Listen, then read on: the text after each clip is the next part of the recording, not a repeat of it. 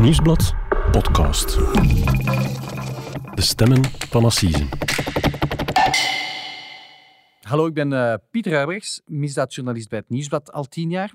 En ik ben Cedric Lagast, journalist bij diezelfde krant. En vandaag kunnen we eindelijk beginnen met onze nieuwe podcast Stemmen van Assise. Uh, voor elk belangrijk proces gaan wij in een zaak duiken en gaan wij u meenemen achter de schermen van Assise. En dit keer is dat de zaak rond Tine Nijs, waarvoor deze week in Gent drie dokters voor het Gentse Assisehof terechtstaan voor de gifmoord op deze jonge vrouw.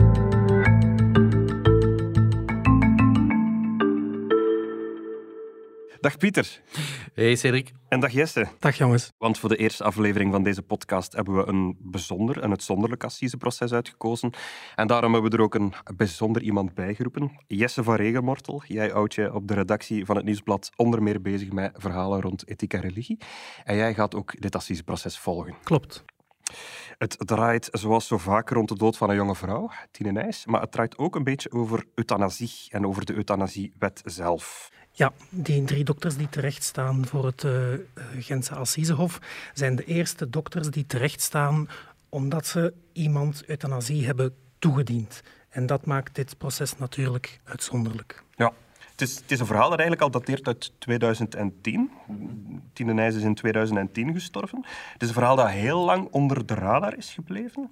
Tot eigenlijk twee van haar zussen in februari 2016 een interview hebben gegeven aan ter zake op Canvas. En ik stel voor dat we naar een paar fragmenten luisteren. Om een euthanasie te krijgen op basis van psychisch lijden, uh, moet je een, een psychisch ongeneeslijke ziekte hebben. En eigenlijk had Tine dat niet, die aandoening. Dus heeft ze eigenlijk twee maanden voor haar dood een nieuwe diagnose geformuleerd gekregen op basis van nieuwe testen en dat bleek autisme te zijn. Die drie artsen hebben nooit samen een, een verslag of een diagnose uitgewisseld. Als ik terugdenk aan de dood van Tine, kan ik alleen maar denken aan de amateuristische, mislukte manier waarop die euthanasie is gebeurd.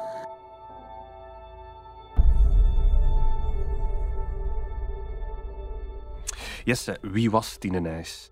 Wel, Tine was uh, een jonge vrouw, 38 jaar, toen ze stierf op 27 april 2010. Het was een zelfgekozen dood, want ze, ze wilde dood. Ze heeft haar leven lang uh, heeft ze moeilijkheden gehad, uh, psychische problemen gehad. Er werd bij haar uh, borderline vastgesteld. Dat wil zeggen dat zij een persoonlijkheid had die extreem omging met emoties, gedachten, gedragingen. En toen haar laatste relatie is stuk gelopen in de zomer van 2009, is ze opnieuw zwaar depressief geworden en het is in de nasleep van die relatiebreuk dat ze uiteindelijk euthanasie heeft aangevraagd. Ik, ik kan me voorstellen dat veel mensen denken van, dat ze zoiets niet associëren met euthanasie. Dat, dat euthanasie mensen dat meer associëren met, met iemand die, die dodelijk ziek is, die kanker heeft. In ons land kan je ook euthanasie aanvragen op basis van psychisch lijden. En twee uh, belangrijke factoren daarbij zijn dat dat lijden ondraaglijk moet zijn en dat het ongeneeslijk moet zijn. En Tinne had het gevoel dat dat bij haar heel sterk het geval was. De familie van Tinne, haar, haar zussen en haar ouders, zien dat helemaal anders. Volgens hen had Tinne in haar goede momenten wel nog plannen en dromen in haar leven, kon ze nog behandeld worden en genezen worden en had ze nog leven voor haar. En dat is de kern van de discussie die zal gevoerd worden op dit proces.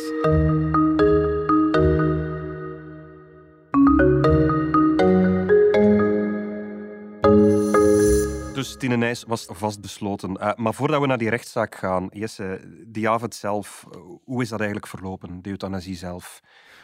Dat was in een huiskamer in Sint-Niklaas. De familie was erbij, de ouders, de zussen. Maar die avond is niet verlopen volgens het boekje. Het was geen sereen afscheid. Eigenlijk was het een rommeltje. Vooral door die dokter dan eigenlijk. We hoorden die, het haar zus Lotte ook al even zeggen in dat fragment. Als ik terugdenk aan, aan de dood van Tine, kan ik alleen maar denken aan de amateuristische, mislukte manier. Dat ging dan vooral over die dokter.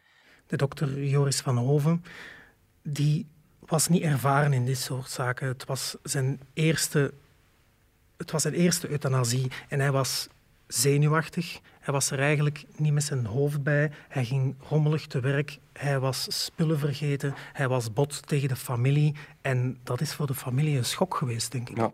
Ze hebben dat eigenlijk zelf ook uitgebreid beschreven in dat interview met de zaken. Misschien moeten we daar even naar luisteren. Hij had ook uh, niet het uh, nodige materiaal bij om een euthanasie via een inspuiting te doen. Uh, de bakster had hij op, op de zetel gelegd waar dat Tine op lag.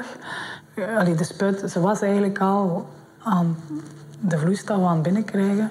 Is die bakster op haar gezicht gevallen. iemand die aan het sterven is en wordt plotseling opgeschrikt door een plastieke zak die op je gezicht valt. Mijn vader is gevraagd geworden om de naald vast te drukken in haar arm, omdat hij er niet aan had gedacht om pleisters mee te nemen.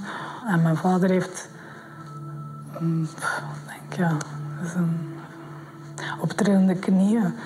Uh, sorry. Plus achteraf, als hij was gestorven, vraagt hij ook nog eens, vooral naar mijn ouders toe, of dat hij uh, dat ze nog eens door de stethoscoop wilde luisteren naar haar hart. Want dat, dat het zeker niet meer klopt. Dus dat ze effectief was overleden. Ongelooflijk pervers. Onmenselijk.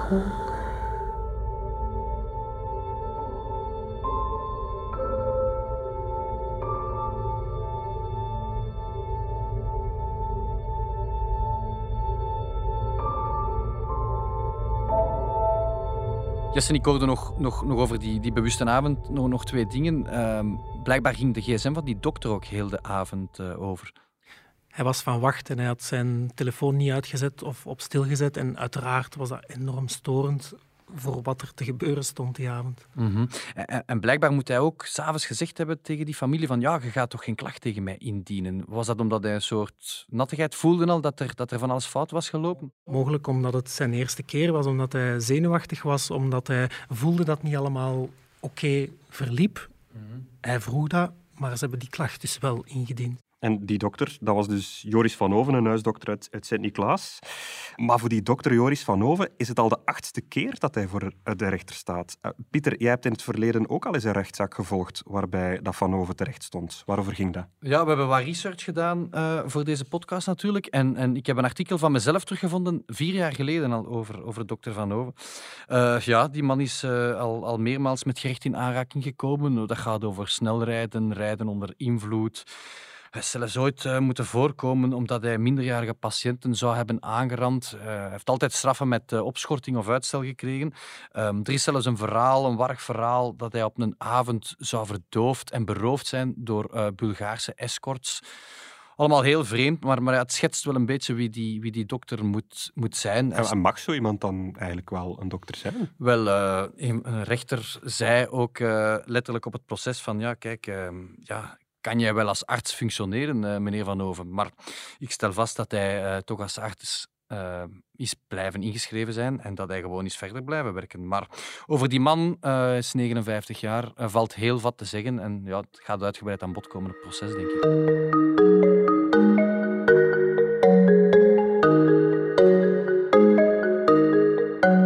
Nu, het gaat natuurlijk niet alleen over, over, over Joris van Oven er staan drie dokters terecht. Jesse, waarom is dat? In een euthanasieprocedure zijn er verschillende artsen die betrokken zijn. Er is de uitvoerende arts, maar die moet ook het advies inwinnen van een tweede arts. En wanneer het gaat over um, niet-terminale aandoeningen, moet er ook het advies worden ingewonnen van een derde arts die specialist is van de aandoening ter zake of psychiater is. Ja, en de tweede dokter die hier eh, terecht staat, is, is de huisdokter van de familie Nijs, huisdokter Frank de Greef. Werkelijk vind ik, dat is eigenlijk iemand die uit principe tegen euthanasie is. -hmm. Die man is in tegenstelling tot Van Hoven wel een onbeschreven blad. Hè. Niemand heeft daar eigenlijk iets negatief over te zeggen. En zoals je zegt, hij is geen voorstander van euthanasie, maar hij kent Tinne hij zit heel erg in met de problemen die ze heeft en hij wil haar helpen. Dus hij bevestigt wel haar vraag om mhm. euthanasie. En Joris van Hoven gaat eigenlijk de avond van de feiten zelf, twee uur voordat Tinne zal sterven, gaat hij bij de greef langs en hij vraagt om een papier te tekenen dat haar vraag bevestigt. Een beetje bedelen voor een handtekening. Klopt. En, en uh, de Greef begrijpt daaruit dat er die avond een vergadering met de familie zal plaatsvinden. Maar hij weet niet, of hij zegt niet te weten dat die avond Tinne zal sterven. En hij valt uit de lucht wanneer een paar dagen later de doodsbrief van Tinne Nijs bij hem in de bus valt. Is er dan een beetje bijgelapt? Zo zou je het kunnen stellen en zo voelt hij het zelf aan in elk geval. Nee. En de derde dokter die moet rechtstaan, dat is een psychiater, Lieve Tienpont uit Gent. Zij is iemand die blijkbaar al heel lang met euthanasie en leven zijnde bezig is, in tegenstelling tot de greef. Absoluut, ja. Zij, zij, wordt, zij omschrijft zichzelf toch als een soort pionier uh, in heel de euthanasie-kwestie. En um, ja, ze heeft er wat boeken over geschreven ook. Ze heeft een soort, soort uh, luisterhuis uh, waar, waar, waar patiënten naartoe gaan.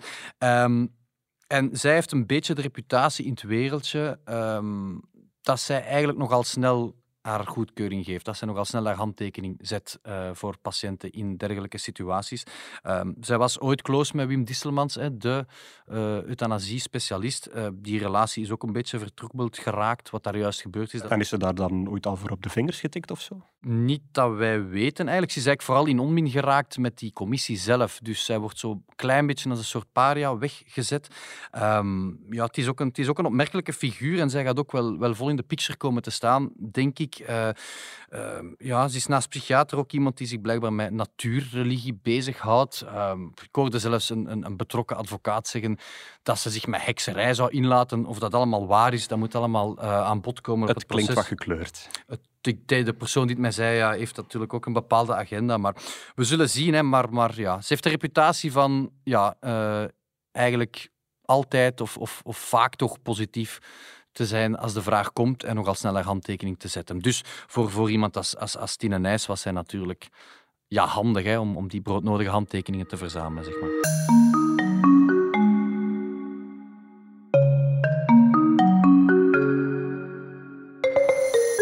Er zal vanaf vrijdag heel veel media-aandacht zijn voor dit proces, allicht ook van de buitenlandse pers.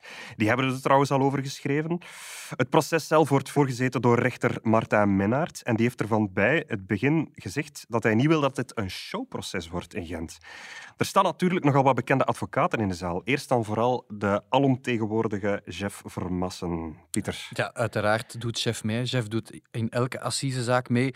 Uh, en Jeff, ja, ik denk dat hij ondertussen al meer dan 100 assisezaken op de teller heeft, of toch ongeveer.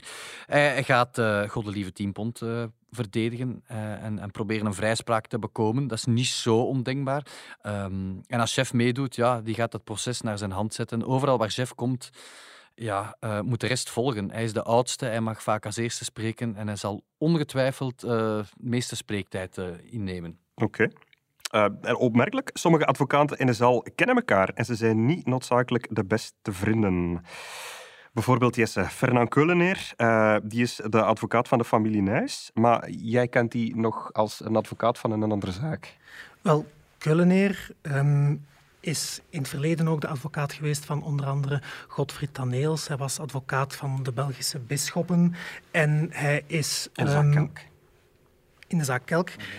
En hij is zelf ook geen voorstander van euthanasie. Toen in 2013 de uitbreiding van de euthanasiewet op tafel lag, heeft hij zich ook opgeworpen als een tegenstander daarvan. Hij staat in deze zaak tegenover uh, Walter van Steenbrugge de advocaat van Joris van Hoven.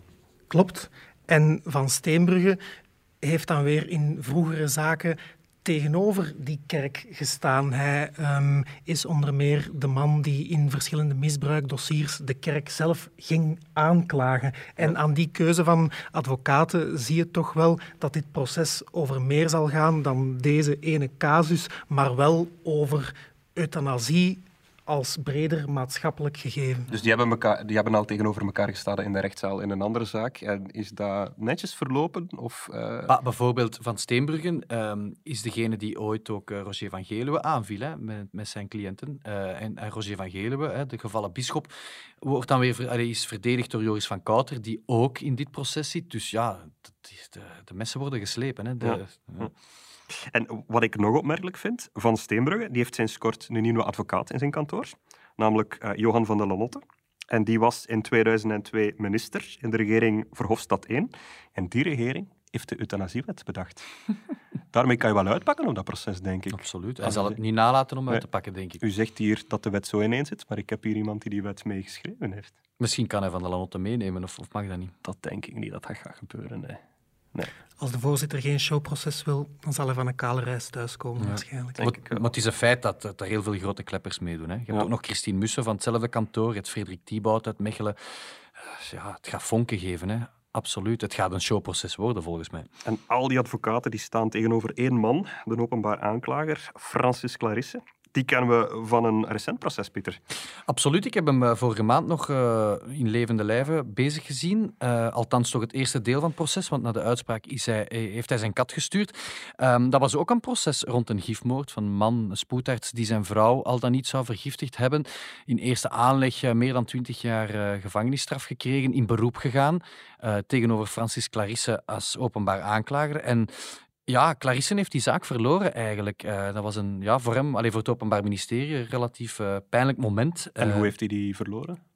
Wel, hij is uiteindelijk finaal vrijgesproken, de spoedarts in kwestie. En ehm, ja, Clarisse was overtuigd van de schuld van die man, ehm, maar heeft het niet gehaald. En er zijn heel wat wetenschappelijke analyses geweest toen van de verdediging. En ja, die hebben de, ju die hebben de, de, de rechtbank overtuigd. En ja, wat ik opvallend was toen, bij, bij de uitspraak, Clarisse was daar niet toen. En hij, hij, voelde de bui dus duidelijk al hangen. En ja, ik kan me voorstellen dat dat zijn reputatie geen deugd heeft gedaan. En ja, is, is, dat erg voor een aanklager als je iemand de cellen wil en die wordt vrijgesproken? Ja, dat is met alles zo, hè, Cedric. Ja, uw reputatie is natuurlijk wel belangrijk. Hij, hij, hij vecht natuurlijk met de wapens die hij heeft, maar natuurlijk zijn collega-procureur in eerste aanleg heeft hem wel veroordeeld gekregen. Dus ik kan me voorstellen dat, dat meneer Clarisse niet opnieuw gezichtsverlies wil leiden. Het is opnieuw een gifmoord. En het is opnieuw een gifmoord. En het is een heel gevaarlijk assiseproces, denk ik, als Openbaar Ministerie. Het is geen gemakkelijk proces. En ja, ik, uh, ja, ik heb geen glazen bol, maar, maar ja,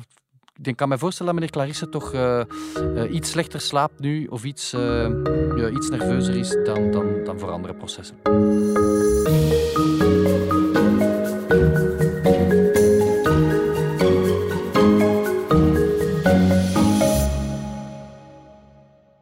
Een hele reeks uh, bekende advocaten dus, die daar straks in de rechtszaal staan. Maar waarom komt deze zaak nu eigenlijk voor assisen? Want we hebben het al gehad over het gestuntel van dokter Joris van Oven, maar eigenlijk doet dat er niet toe. Je komt niet voor de rechter als dokter omdat je infuuszak naar beneden is gevallen of omdat je je pleisters bent vergeten. Het parket-generaal wil deze drie dokters nu veroordeeld zien omdat zij de euthanasiewet hebben overtreden. Dat is uh, die wet uit 2002 waar we het al kort over hebben. We waren toen het tweede land ter wereld dat euthanasie toeliet. Ik heb uh, de wet hier even meegebracht. Is niet zo super dik. 10 pagina's, 16 artikeltjes. Goh, en eigenlijk kan je hem samenvatten in, in, in vier voorwaarden. Iemand mag in ons land euthanasie aanvragen als die één wilsbekwaam is, als die vrijwillig uh, dat aanvraagt, uh, als die ongeneeslijk ziek is en als die ziekte een ondraaglijk lijden uh, met zich meebrengt. En um, de zussen zien vooral in die laatste twee punten een probleem. Volgens hen was een zus niet ongeneeslijk ziek. Um, denk ik, Jesse? Klopt? Zo zien zij het, absoluut. Ja. Ja, maar het, het parket-generaal trekt zich volgens mij daar niet zoveel van aan. Zij zien vooral problemen in de procedure die de dokters of die Van Oven gevolgd heeft. Volgens de wet moeten er drie artsen onafhankelijk van elkaar, of onafhankelijk van de patiënt liever, uh, een beslissing nemen. En twee van hen waren duidelijk niet onafhankelijk. Uh, een van hen was de huisdokter van Tine Nijs. Uh, de andere was haar psychiater. Dat mag eigenlijk niet. En dan nog eens, het, dossier is uh, niet na vier dagen voor de euthanasiecommissie gebracht. Ja, want eigenlijk bestaat er al een orgaan in ons land dat elk geval van euthanasie afzonderlijk bekijkt en beoordeelt. Professor Wim Distelmans, waar we het daar straks al even over hadden, is voorzitter van die commissie. En voor de rest zitten daar uh, acht dokters in, vier wetenschappers en vier mensen die in het veld bezig zijn met ongeneeslijk zieke patiënten. Die commissie heeft dit dossier bekeken en geoordeeld dat er eigenlijk geen enkel probleem mee was. Nee, zij vonden dat de euthanasie op Tienenhuis correct is verlopen. Zo lijkt het wel. Ik lees ook overal, het gaat nu niet alleen over die drie dokters, maar het gaat ook over de euthanasiewet op zich. Denk je dat als hier een, een vonnis uitkomt, dat de euthanasiewet dan teruggeschroefd wordt? Wel, dat, dat kan je moeilijk op voorhand zeggen, natuurlijk. Maar als het gaat over euthanasie bij psychisch lijden, dan zijn die factoren van ondraaglijk lijden en ongeneeslijk ziek zijn, zijn natuurlijk geen objectieve factoren. Als je kanker hebt en je bent terminaal, dan is dat heel erg duidelijk en wel omlijnd. Bij psychisch lijden of bij een psychische aandoening is dat subjectief. Tinne vond dat ze ondraaglijk leed en dat ze niet te genezen was. Haar familie ziet dat anders. En het is die brede discussie die zal gevoerd worden. En daarmee staat ook voor een stukje de euthanasiewet terecht. Wat ik ook opvallend vind, het was eigenlijk het plan dat Tine Nijs een bekertje met een dodelijk geneesmiddel zou opdrinken. Maar Van Oven was dat vergeten, dus hij moest een uh, injectienaald gebruiken. Had hij dat bekertje niet vergeten, dan was er wellicht geen Nassizenzaak geweest. Want een jaar geleden werd er een gelijkaardig onderzoek tegen een, ander, tegen een Antwerpse huisdokter afgesloten. Dat ging om de dood van een, uh, een 85-jarige patiënt van hem. En het gerecht heeft hem daar buiten vervolging gesteld. Omdat die vrouw zelf het bekertje opdronk, had ze geen euthanasie gekregen. En dus kon de wet niet ook niet overtreden zijn. Dus had Tine Nijs haar bekertje zelf opgedronken, dan was dat wellicht ook geen zaak geweest. En dan was er allicht dus geen euthanasieproces geweest. Nee.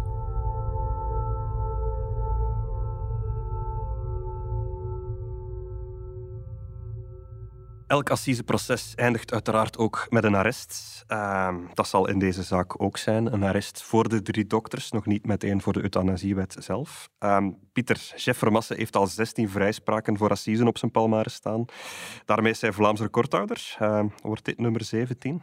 Wel, uh, dat is moeilijk te voorspellen natuurlijk, maar ik denk dat uh, Jeff op zijn oude dag daar alvast uh, luid op van droomt. En de kans lijkt mij niet ondenkbaar. Um, tja, het, is een, het is een proces dat drie weken zal duren en waar veel over gediscussieerd en gedebatteerd zal worden met een uitkomst die, die ja, eigenlijk heel moeilijk te voorspellen is.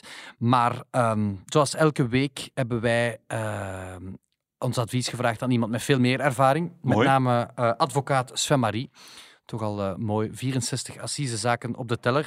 En uh, voilà, hij kijkt voor ons in zijn glazen bol. Ik ben uh, de mening toegedaan dat dit een principesproces zou kunnen worden. En dat is iets die, die, mij toch wat angst aanjaagt, omdat je twee zuilen hebt die diametraal tegen elkaar staan. Hè. Een, een, een, katholieke zuil, een liberale zuil, in het kader van een, een zeer liberale wet. Mm -hmm. uh, en iedereen gaat er op een bepaald moment uh, zijn heil uit willen halen. En indruk dat de drie die terecht staan, uh, dat dat zo'n beetje de, de, de, de, het kanonnenvlees is die me eventueel zou gaan slachtofferen maar niet omwille van wie dat zijn, maar omwille van een overtuiging. Mm -hmm.